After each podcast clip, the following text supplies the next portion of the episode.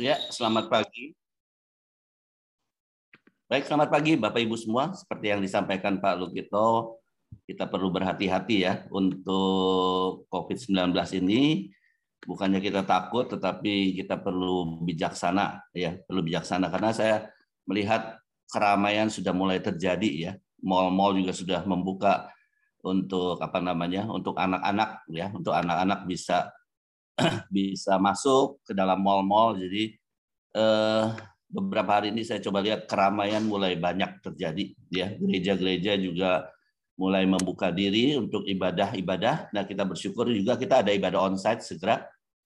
Tapi tetap be careful, Bapak Ibu Saudara, karena virus ini nggak kelihatan ya. Kita jangan anggap enteng, tetapi juga kita perlu bijaksana, kita perlu berhikmat untuk bisa membangun ibadah onsite yang aman ya yang aman. Ikutilah protokol yang ada ikutilah aturan-aturan yang ada. Sekali lagi aturan ini bukan untuk untuk apa namanya untuk uh, menyusahkan kita semua. Enggak saudara. Peraturan ini untuk kebaikan kita semua. Amin bapak ibu saudara. Nah hari ini saya membahas tentang sesuatu hal yang yang update sampai hari ini sesuatu yang hari ini masih marak ya tentang komunitas ya kita juga punya komunitas yang namanya pesan ya komunitas uh, keluarga atau kelompok saling membangun. Ada begitu banyak komunitas hari-hari ini ada ya ada komunitas sepeda ada komunitas eh, ibu-ibu uh, sosialita saudara ada komunitas uh, olahraga ada komunitas kuliner dan segala macam komunitas ada ya. Komunitas adalah hubungan interaksi dari beberapa orang yang punya minat yang sama punya punya hobi yang sama dan punya tujuan yang sama. Oke, kita akan lihat bahwa komunitas itu adalah gaya hidupnya Tuhan sendiri sebetulnya ya. Jadi sejak semula di dalam kitab Kejadian sudah bisa lihat sebetulnya ada Allah Bapa, ada Allah Anak dan Allah Roh Kudus, Trinitas ya, Tritunggal yang kita tahu di dalam Kristenan yang memang nggak mudah untuk dijelaskan, tetapi itu adalah pribadi Allah, pribadi Roh Kudus ya, pribadi Yesus yang yang memang dapat dibedakan tetapi tidak dapat dipisahkan ya. Jadi memang kalau mau dijelaskan ada sesi khusus untuk membahas tentang ini. Kemudian terlihat dalam kisah penciptaan Bapak Ibu Saudara kejadian 1 ayat 26 berfirmanlah Allah baiklah kita dipakai kata ganti jamak ya bukan tunggal bukan saya bukan aku tetapi baiklah kita artinya ada lebih dari satu pribadi yang menjadikan manusia menurut gambar dan rupa kita jadi manusia yang pertama-tama diberikan saudara identitas. Ya, identitas kita nggak sama dengan identitas kita adalah serupa dan segambar dengan Allah. Jadi istimewa sekali. Manusia adalah makhluk yang istimewa, saudara. Makanya dalam Mazmur 8 ya itu eh, makhluk yang mulia yang hampir sama dengan Allah dikatakan bukan sama dengan Allah ya tapi hampir sama dengan Allah. Nah, kejatuhan Lucifer dia ingin seperti Allah, Saudara ya. Yang kedua bukan hanya diberikan identitas, juga diberikan kapasitas, kemampuan yang luar biasa. Ya, Adam tuh diberikan tugas untuk mengusahakan Taman Eden, Adam diberikan tugas untuk memberikan nama-nama hewan, nama-nama binatang semuanya, Saudara. Jadi kalau ada nama binatang hari ini karena Adam itu yang memberikannya semua, Saudara ya. Kemudian di Yohanes 1 dalam perjanjian baru Yohanes 1 ayat 1 sampai 2 dikatakan pada mulanya adalah firman ya firman satu pribadi. Firman itu bersama-sama dengan Allah dan firman itu adalah Allah. Ada dua pribadi saudara. Yohanes 1 ayat 14 firman itu telah menjadi manusia. Jadi ada ada tiga pribadi ya. Nah kita lihat komunitas ini adalah gaya hidupnya Allah. Allah itu bukan sendirian tetapi tiga pribadi yang menjadi satu yang melakukan segala sesuatu secara eh, bersama-sama dengan visi yang sama dengan tujuan yang sama dan begitu eh, kental kesatuannya sehingga tidak dapat dipisahkan, saudara ya. Nah, komunitas yang saling membangun hari ini saya akan bagikan saudara pengkhotbah 4 ayat 9 sampai ayat 12. Karena ada ada komunitas-komunitas juga yang tidak membangun ya, ada komunitas-komunitas yang yang malah membuat kehidupan kita menjadi rusak, saudara. Ada komunitas narkoba misalnya, saudara ya ada komunitas gay, misalnya komunitas lesbian, homoseksual. Hati-hati saudara, hari-hari ini khususnya untuk anak-anak ya, untuk anak-anak, untuk kita betul-betul eh, memberikan pengertian yang sungguh-sungguh tentang apa namanya, tentang bahwa Allah menciptakan laki-laki dan perempuan. Saya dapat eh, tantangan saudara dari Star Kids untuk untuk masuk ke dalam eh, satu sesi tentang menjelaskan bahwa manusia itu diciptakan laki-laki dan perempuan. Adam and Eve, bukan Adam and Steve, saudara ya. Adam dan Hawa, bukan Adam dan Steve, saudara. Nah hari-hari ini eh, ngeri sekali. Saya dengar dari uh, satu kisah ya bahwa ada anak perempuan yang menyukai anak perempuan yang lainnya dan mereka anak-anak kecil itu uh, berkata saya senang dengan sesama jenis, saudara. Nah ini berbahaya sekali. Baik, pengkhotbah 9 ayat eh, pengkhotbah 4 Saudara, pengkhotbah 4 ayat 9 sampai 12 saya bacakan buat Bapak Ibu Saudara. Berdua lebih baik daripada seorang diri katanya. Karena mereka menerima upah yang baik ya. Upah yang baik dalam jerih payah mereka. Jadi ada jerih payah tetapi kalau kita ada dalam komunitas itu kita menerima upah yang lebih baik, the good reward yang lebih baik, Saudara. Ayat 10 karena kalau mereka jatuh yang seorang mengangkat temannya tetapi why orang yang jatuh yang nggak punya teman untuk mengangkatnya. Ya kasihan deh gitu ya saudara ya. Kalau udah jatuh ketiban tangga lagi saudara digigit anjing lagi saudara ya. Nggak ada orang yang tolong. Nah itu kasihan banget saudara. Ayat yang ke-11 juga kalau orang tidur berdua mereka menjadi panas. Tapi bagaimana seorang saja dapat menjadi panas? Ayat yang ke-12 dan dan bila mana seseorang dapat dikalahkan ya. Seorang gampang dikalahkan tapi dua orang akan dapat bertahan. Tali tiga lembar tidak mudah diputuskan. Jadi saudara Tuhan tidak menciptakan manusia itu seorang diri. Nah ini bukan bukan hanya bicara pernikahan saudara ya, tapi itulah kebutuhan manusia. Manusia itu makhluk apa? Sosial yang membutuhkan orang lain. Saudara, saya butuh teman, saya butuh orang lain yang bersama-sama dengan saya. Nggak bisa sendirian. Saudara juga nggak bisa sendirian. Kita kalau sendirian bisa stres, saudara ya. Nah, Tuhan menciptakan laki-laki dan perempuan. Kejadian 1 ayat 26 sampai ayat yang ke-27. Jelas Tuhan menciptakan dalam konsepnya Tuhan itu sejak awal Tuhan memang menciptakan manusia itu laki-laki dan perempuan ya tidak baik katanya, tidak baik manusia itu seorang diri. Artinya apa? Lebih baik memang manusia itu nggak sendirian. Ya, lebih baik kita juga mendapatkan eh, reward yang lebih baik, upah yang lebih baik, hasil yang lebih baik, kehidupan yang lebih baik kalau kita itu nggak seorang diri. Makanya penting sekali Bapak Ibu Saudara, kita harus ikut kesan. Ya, kita harus ikut kesan. Bukan ini metode gereja atau ini program gereja, bukan, Saudara tapi inilah adalah gaya hidupnya Allah. Allah aja nggak sendirian, Allah Bapa nggak sendirian, ada Allah Anak, ada Allah Roh Kudus. Ya mereka aja nggak sendirian, saudara. Masakan kita manusia eh, lebih kuat dari Allah gitu, saudara. Nah manusia membutuhkan orang lain ya untuk menolong, saudara. Jadi ada waktunya memang kita perlu ditolong, ada waktunya kita juga menolong. Itu siklus yang terjadi dalam kehidupan kita, saudara. Ya, kita bukan bukan orang yang selalu selalu menolong orang lain. No. Ya, sometimes sering juga kita butuh ditolong, Saudara ya. Tugas yang diberikan Tuhan itu sangat besar, Saudara. Itu dikerjakan seorang diri. Kejadian 2 ayat 18 dikatakan disuruh mengelola bumi ini, menaklukkan bumi ini, Saudara.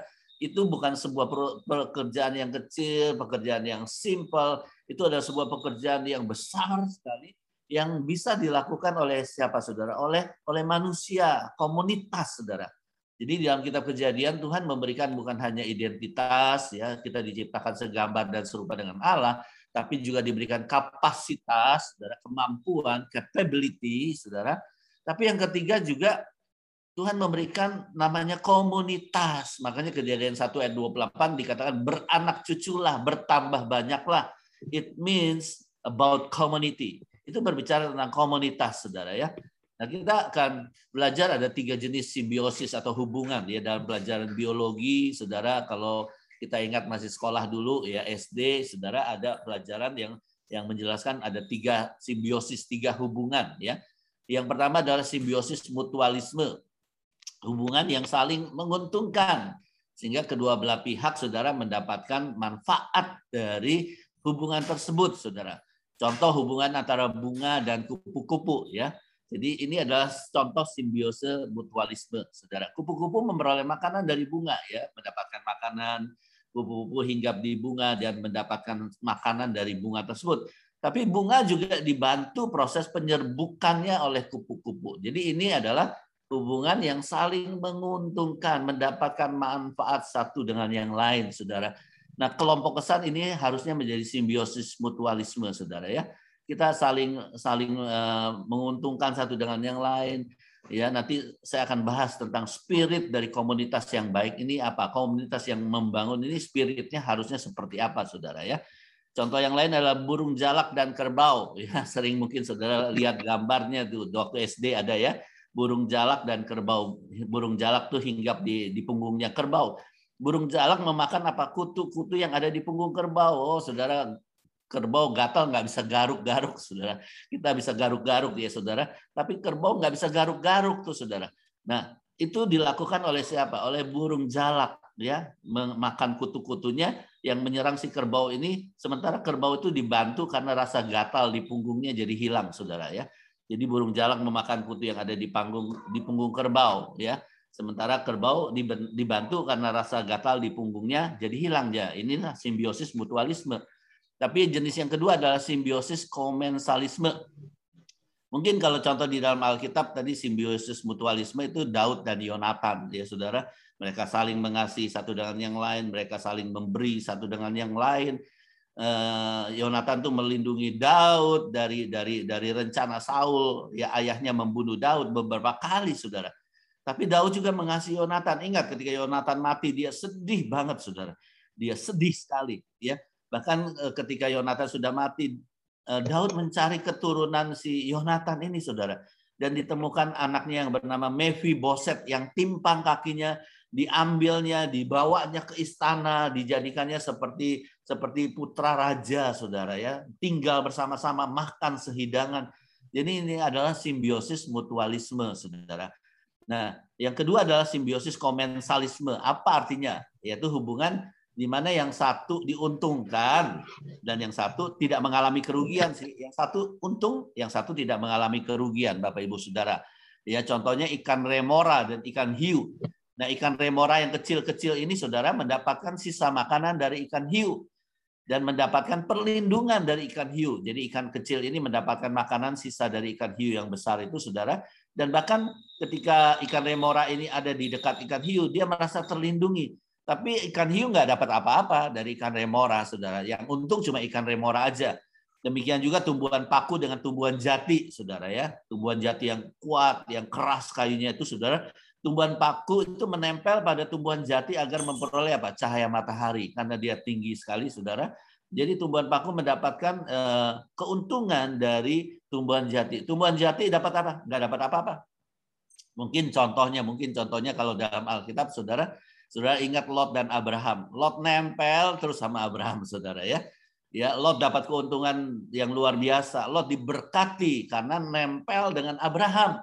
Tapi Abraham nggak dapat apa-apa dari Lot, saudara ya. Bahkan bahkan Lot kurang ajar ya, saudara mengambil mengambil apa namanya memilih tempat terlebih dahulu ya. Eh, bagian yang dia ingin ambil daerah daerah apa Sodom dan Gomora itu kalau saudara ingat ya. Abraham nggak dapat apa-apa saudara. Nah ini simbiosis komensalisme. Yang ketiga adalah tim eh, simbiosis parasitisme. Nah ini saudara tahu lah ya Contohnya dulu paling ingat waktu waktu zaman sekolah, saudara, ada tumbuhan yang namanya benalu. Jadi yang nempel di pohon, menghisap sari-sari makanan dari pohon itu sampai pohon yang ditempelin itu mati, saudara. Ya contohnya benalu dengan pohon mangga. Benalu menghisap saat makanan dari pohon mangga itu lama-lama pohon mangga ini kering, kering, kering dan akhirnya mati, saudara. Nah ini adalah simbiosis mutualis, uh, simbiosis parasitisme. Contoh nyamuk, ya nyamuk dengan manusia. Nyamuk menghisap darah kita, saudara ya. Sedangkan manusia ya pasti terganggu lah ya dengan adanya nyamuk, saudara. Bahkan ada penyakit yang disebabkan oleh nyamuk, ya. Ada demam berdarah, ada malaria. Nah ini hubungan-hubungan yang yang yang yang saling apa namanya, yang hubungan yang yang satu diuntungkan dan yang satu dirugikan. Nah saudara jangan sampai kesan kita jadi simbiosis parasitisme, saudara. Oleh karena itu nanti saya akan sharing kepada saudara spirit daripada komunitas kesan kita seperti apa. Oke. Nah, simbiosis mutualisme itu kalau bahasa kerennya pada hari ini sinergi lah saudara ya. Eh, perusahaan yang paling besar, yang orang yang paling berhasil, orang yang paling kaya pada hari-hari ini dari Amazon.com, saudara ya. Karena apa? Karena mereka membangun jaringan. Kalau saudara lihat juga perusahaan-perusahaan besar hari ini seperti Gojek, saudara Grab, itu adalah eh, perusahaan-perusahaan yang membangun networking, ya networking. Baru-baru ini Hypermart bekerja sama dengan dengan Gojek, saudara ya. Itu wah luar biasa. Kalau sudah pergi ke Hypermart, ini bukan promosi ya, saudara ya. Itu saudara lihat kaosnya ada GoPay, ya saudara. Nah itu simbiosis ya, kerjasama, sinergi di mana keduanya akan saling menguntungkan satu dengan yang lain. Makanya di dalam pengkhotbah 4 ayat yang ke-9 dikatakan berdua lebih baik daripada seorang diri karena mereka menerima upah yang baik dalam jeri lelah mereka. Jadi hubungan yang membuat kita menerima upah atau menerima hasil yang lebih baik atau lebih sukses, saudara ya. Dalam dunia disebut lebih sukses. Jadi orang yang berhasil hari ini adalah orang yang berhasil membangun networking, ya. Nah kehidupan yang lebih baik tentunya secara holistik, baik roh, jiwa dan tubuh, saudara. Ya, secara rohani, misalnya kita akan bertumbuh bersama-sama, ya dua tiga orang berkumpul, Yesus hadir. Nah, kelompok kesan juga seperti itu. Dua tiga orang berkumpul, Yesus hadir. Kita mengalami simbiosis mutualisme, kita mengalami sinergi bersama-sama. Kita doa sama-sama, Yesus hadir. Kita doa sama-sama ya dalam kelompok kesan saudara dan dan doa-doa kita dijawab luar biasa. Kenapa saudara kesan itu menjadi bergairah? Karena dua tiga orang berkumpul, Yesus hadir dalam kesan yang saya ikuti saudara saudara saya lihat luar biasa sekali ya. Kita berdoa untuk kebutuhan ini kita berdoa untuk orang yang sakit kita berdoa untuk pekerjaan dan kita ketemu lagi minggu depannya. Wah kita dengar udah dijawab doanya. Senang banget saudara ya. Ini pengalaman-pengalaman yang membuat kesan kita menjadi bergairah. Jadi bukan hanya kumpul-kumpul biasa aja tetapi Yesus hadir di tengah-tengah kita saya mengalami, saudara, kenapa gairah sekali kesan? Karena doa-doa kita dijawab Tuhan. Kita bertumbuh secara rohani, saudara. Dalam kelompok kesan ada keterbukaan-keterbukaan yang luar biasa, yang mungkin saya nggak bisa ceritakan kepada saudara ya. Ada orang-orang yang pernah mengalami saudara yang sedang yang pernah mengalami anaknya meninggal ya di dalam kelompok kesan yang saya pimpin di di daerah Alam Sutra ada sharing, saudara dia betul-betul stres bertahun-tahun karena anaknya yang sulung, anaknya yang pria itu yang laki baru umur berapa ya? Mungkin SD ya, 7-8 tahun meninggal karena cancer, saudara. Nah di kesan tuh dia cerita, dia cerita, saudara. Wah kita sendiri diberkati, saya sendiri diberkati. Gimana kalau kalau kita ngalami hal seperti itu? Jadi ini saling menguatkan satu dengan yang lain. Jadi secara rohani kita bertumbuh bersama-sama, kita dikuatkan, saudara Kemudian secara jiwa, pikiran, perasaan, dan kehendak kita juga menjadi lebih berhikmat.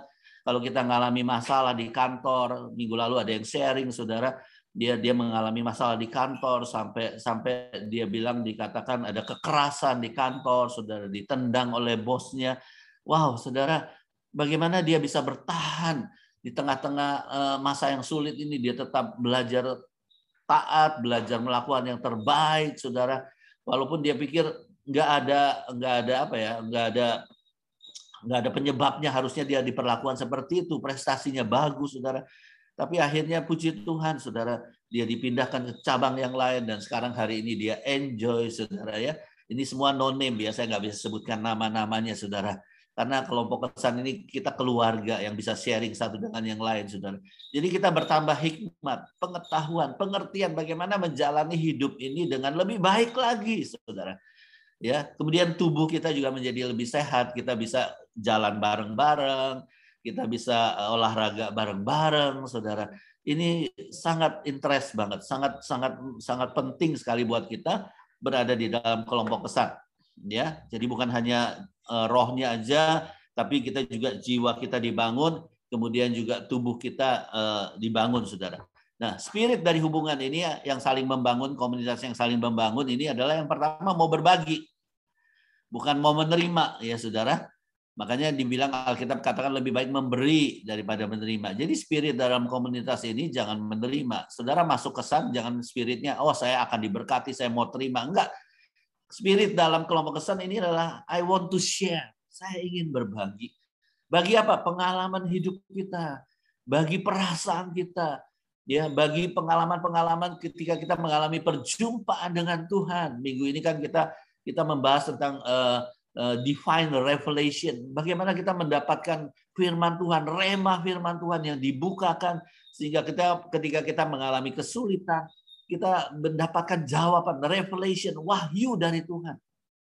Saudara, perempuan Samaria itu nggak mungkin bertobat kalau dia nggak mendapatkan pewahyuan dari Tuhan, saudara, dari Yesus bagaimana pewahyuan itu menunjukkan bahwa hidupnya berdosa, bahwa hidupnya uh, jauh dari Tuhan, saudara. Hidupnya hari itu pada waktu itu tidak bersama dengan suaminya, tapi dengan pria lain, saudara. Sudah lima pria yang menjadi korbannya, saudara. Kemudian ada, ada pewahyuan juga dari Yesus ketika ketemu perempuan Samaria itu tentang siapakah Mesias. Kalau saudara baca di dalam Yohanes pasal yang keempat, ayat yang keberapa itu saya lupa saudara, dikatakan inilah aku, inilah aku. Ada ada revelation, ada pewahyuan bahwa Yesus itu adalah Mesias. Engkau akan menyembah di dalam roh dan kebenaran. Jadi spiritnya adalah mau berbagi, ya, bukan mau menerima. Katakan saudara, saya mau berbagi, saudara. Yang kedua adalah mau menguatkan satu dengan yang lain, bukan menghakimi, bukan mengadili, bukan merasa wow saya ini hebat saya lebih rohani. Enggak saudara. Justru dalam kesan itu ya kita mau menguatkan satu dengan yang lain. Oleh anugerah Tuhan kita boleh kuat kita boleh sharing kita nggak boleh menghakimi mengadili orang lain ya saudara. Justru kita harus menguatkan mereka. Kalau mereka belum bisa misalnya bangun pagi nggak apa-apa kita kuatkan saudara saya juga dulu susah banget bangun pagi ya saudara saya ini jenis kalong saudara tidur malam bangun siang gitu. Tapi melalui komunitas uh, Morning Chapel ini saya diberkati sekali. Sekarang jam 4 saya udah bangun. Biasanya jam 4 tanpa alarm pun saya udah bangun, Saudara. Ya, Pak Lukito tahu persis lah, Saudara. Saya orang yang kalong banget. Pak Lukito juga kalong, Saudara. Sama jenisnya kalong, Saudara ya. Tidurnya bisa jam 2, ya bangunnya bisa jam 9, jam 10 itu kebiasaan saya saudara ya tapi hari ini melalui komunitas Morning Chapel, kita bisa bangun pagi. Kita bisa uh, uh, menghadap Tuhan pada pagi hari. Yang kemudian spiritnya adalah mau melindungi satu dengan yang lain ya. Orang lain lebih mudah melihat kelemahan kita, saudara. Kita nggak bisa lihat punggung kita, saudara. Ada ada apa namanya blank spot istilahnya, saudara. Ya. Uh, kita nggak bisa lihat, saudara, kelemahan-kelemahan kita. Orang lain bisa lihat kelemahan kita. Justru itu kita butuh orang lain, saudara. Saya bersyukur kenal Pak Lukito dari lama banget ya, dari tahun 87 bareng-bareng. Saya tahu kelemahan dia, dia tahu kelemahan saya. Kita semua saling tahu lah. Dia kalau saya mau ceritakan kelemahan Pak Lukito banyak, Pak Lukito juga mau ceritakan kelemahan saya gampang banget, banyak banget lah. Tapi kita nggak mau menceritakan itu. Kita mau melindungi, melindungi bukan berarti apa ya kompromi, enggak. Tapi justru dengan bergaul bersama-sama sampai puluhan tahun hari ini, ya terjadi impartasi gitu ya. Kekuatan Pak Lugito bisa saya serap, kekuatan saya juga Pak Lugito bisa dapatkan sesuatu. Semuanya kita saling apa? Saling menguatkan satu dengan yang lain, mau melindungi satu dengan yang lain. Nah, ini spiritnya yang harus dibangun ya. Bapak Ibu ingat, kelompok kesan spiritnya harus ini, bukan mau menerima, mendapatkan sesuatu, enggak, mau berbagi. Ya, dalam kelompok kesan Abraham contohnya yang yang saya ada bergabung bersama indah banget sudah dari satu kesan sekarang sudah jadi empat kesan sudah jadi empat kesan, tapi kita tetap bersama-sama di dalam satu apa satu Zoom bersama-sama lalu diskusinya dibagi dalam empat breakout room karena jumlah orangnya sudah mencapai 35 orang, Saudara. Dan begitu indah kita berbagi di dalam kelompok-kelompok kita masing-masing. Saya diberkati banget ya. Jadi setiap hari Rabu nih, hari Rabu nih kesan Abraham. Saya sangat enjoy banget menanti-nantikan nih di kesan ini juga ada Pak Dwi nih, Pak Dwi ya. Pak Dwi itu sekarang lagi tugas di Banyuwangi, Saudara, Kapten kapal laut, Saudara ya. Wah, itu juga saya diberkati sekali. Dia berbagi kehidupannya, Saudara. Dia berbagi masa lalunya, dia berbagi pada hari-hari ini, dia bertumbuh dengan luar biasa. Dia berbagi juga pergumulannya. Saya juga berbagi pergumulan saya. Kita saling mendoakan satu dengan yang lain. Pak Dwi hati-hati, ya nyetir kapalnya jangan sampai nabrak. Amin, Saudara ya. Oke, Nah, nah, dampaknya terhadap kehidupan kita apa? Dalam pengkhotbah tadi dikatakan kalau ada orang jatuh, ada orang yang mengangkatnya. Amin, saudara. Saudara nggak mungkin lah nggak pernah jatuh, bohong lah kalau kita nggak pernah jatuh. Ya, pendeta juga banyak yang jatuh, saudara. Dan banyak pendeta yang jatuh karena apa, saudara? Karena nggak punya komunitas, merasa merasa hebat, ya. Kemudian tidak mudah putus asa, ya, tidak mudah tawar hati, saudara. Ya, banyak pergumulan dalam kehidupan kita, banyak persoalan, tidak mudah dikalahkan. Lidi satu batang mudah dipatahkan, tapi coba 100 lidi yang disatukan jadi sapu lidi, susah banget dipatahkan. Jadi dampaknya bagus sekali. Kita mendapatkan upah yang lebih baik, kita mendapatkan kehidupan yang lebih baik, saudara, melalui komunitas. Ya, pernah kita bahas bersama-sama tentang pohon sequoia. Akar pohon sequoia yang saling terkait satu dengan yang lain membuat pohon ini menjadi pohon yang besar dan tahan terhadap badai. No one a Superman. Amin, Bapak Ibu Saudara. No one a Wonder Woman. nggak ada yang Superman, nggak ada perempuan yang wonder hebat banget. Ini ini Superman nih saudara ya. Ketika dia mengalami kecelakaan jatuh berkuda, dia sangat sayang dengan istrinya saudara. Ya istrinya namanya Dana, saudara. Dia sangat cinta istrinya. Istrinya ini senang berkuda, saudara. Dan dia akhirnya ya udah karena dia ingin membahagiakan istrinya, dia juga berkuda bersama-sama dan kejadiannya terjadi 27 Mei 1995 Rif jatuh dari kudanya dan lumpuh total saudara dari leher ke bawah tuh lumpuh total Rif akhirnya dia mengalami masa-masa yang sulit dalam hidupnya dan menghabiskan hidupnya dengan kursi roda hingga meninggal 10 Oktober 2004 yang lalu akibat gagal jantung. Tapi saudara, apakah sejak 1995 sampai 2004 Rif eh, putus asa? Memang putus asa dan dia juga pernah coba bunuh diri, saudara. Namun istrinya Dana mendampinginya, Rif sampai akhir hidupnya, anak-anaknya mendampinginya, staf-stafnya mendampinginya. Jadi dia bekerja dengan kursi roda, dia tetap mensutradarai beberapa film, saudara, sampai akhir hidupnya. Kenapa, saudara? Karena dia punya komunitas, dia punya keluarga, saudara. Selain istrinya, anak-anaknya, stafnya mendukung dia terus untuk untuk untuk maksimal melakukan talentanya menjadi sutradara beberapa film sebelum dia meninggal. Oke, terakhir saudara firman Tuhan katakan dalam Galatia 6 ayat yang kedua ya.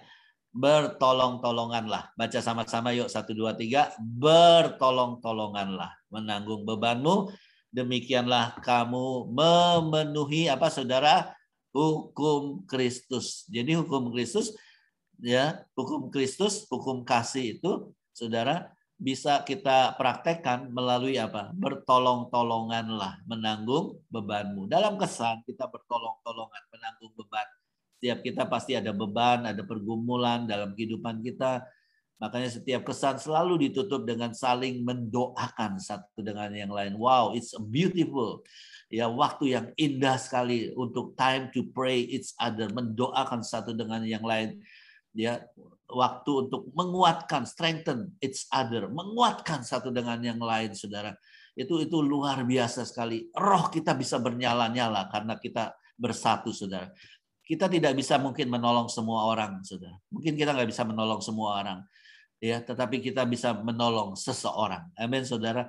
Kita mungkin nggak bisa menolong semua orang, makanya masuk kelompok kesan, saudara. Masuk kelompok kesan dan saudara akan menemukan bahwa kita bisa menolong orang lain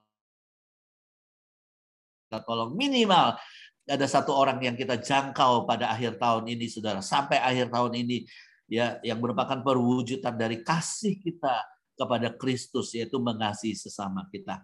Amin Bapak Ibu Saudara. Besok kita akan mendengarkan firman Tuhan dari Edo Saudara yang berjudul ujian itu bernama terdesak ya. Ini bicara kalau lihat gambarnya deadline tentang waktu ya bagaimana uh, kita mengelola waktu kita supaya semuanya itu jangan jangan apa saudara jangan tiba-tiba aja harus ya udah nggak harus diselesaikan. Nah saudara ini yang saya bagikan buat kita semua. Mari kita mau berdoa bersama-sama saudara. Kita mau berdoa bersama-sama. Terima kasih Tuhan kami mengucap syukur untuk hari ini. Kami butuh komunitas kami bukan Superman. Kami bukan Wonder Woman. Kami adalah manusia yang membutuhkan manusia yang lain. Terima kasih Bapak untuk keluarga masa depan cerah. Kami keluarga, saudara. Kami keluarga masa depan cerah. Terima kasih kami mau saling mengasihi satu dengan yang lain. Kami mau saling menolong satu dengan yang lain. Kami mau saling mendoakan satu dengan yang lain. I'm not a superman. Saya bukan superman. Kita butuh satu dengan yang lain. Inilah keluarga masa depan cerah. Mari kita berdoa. Terima kasih Tuhan. Kami berdoa, berdoa setiap kami menjadi bagian daripada komunitas. Komunitas kelompok-kelompok kesan yang saling membangun, yang saling menguatkan satu dengan yang lain. Sehingga ketika kami jatuh, ketika kami jatuh, ada orang yang mengangkat. Ketika kami lemah, ada orang yang menguatkan. Ketika orang lain jatuh, saya, kami mau mengangkatnya. Ketika ada orang lain lemah, kami mau menolongnya. Tuhan. Ketika ada orang lain yang sedang hidupnya dalam kekalahan, kami mau menggendongnya, menopangnya supaya kami menang bersama-sama. Terima kasih Bapak untuk pagi hari ini. Hamba berdoa buat setiap jemaatmu Tuhan. Biar terlibat dalam kelompok komunitas yang saling membangun ini. Dan kami boleh hidup maksimal di dalam engkau. Jemaat yang dikasih Tuhan, angkatlah kedua tanganmu. Berkat Allah turun atas kehidupanmu. Kekuatan Allah turun atas hidupmu. Perlindungan Tuhan turun atas hidupmu. Melalui komunitas yang ada, engkau semakin kuat di dalam Tuhan. Dan menjalani hidup ini dengan takut akan Tuhan. Jangan pernah putus asa, jangan pernah kecewa. You are not alone, engkau nggak pernah sendirian. Karena ada Tuhan dan juga ada komunitas yang bersama-sama dengan engkau. Alami dan nikmati komunitas itu sehingga engkau akan lihat kuasa Tuhan bekerja dalam hidupmu. Di dalam nama Yesus, di dalam nama Yesus, di dalam nama Yesus, terimalah berkat. Engkau yang merasa sendirian, engkau yang merasa kesepian, terimalah terimalah komunitas yang saling membangun ini, yang menguatkan ini menjadi bagian hidupmu. Terima kasih Bapak, di dalam nama Yesus kami berdoa dan mengucap syukur. Semua yang percaya katakan amin. Amin. Tuhan memberkati kita semua. Terima kasih.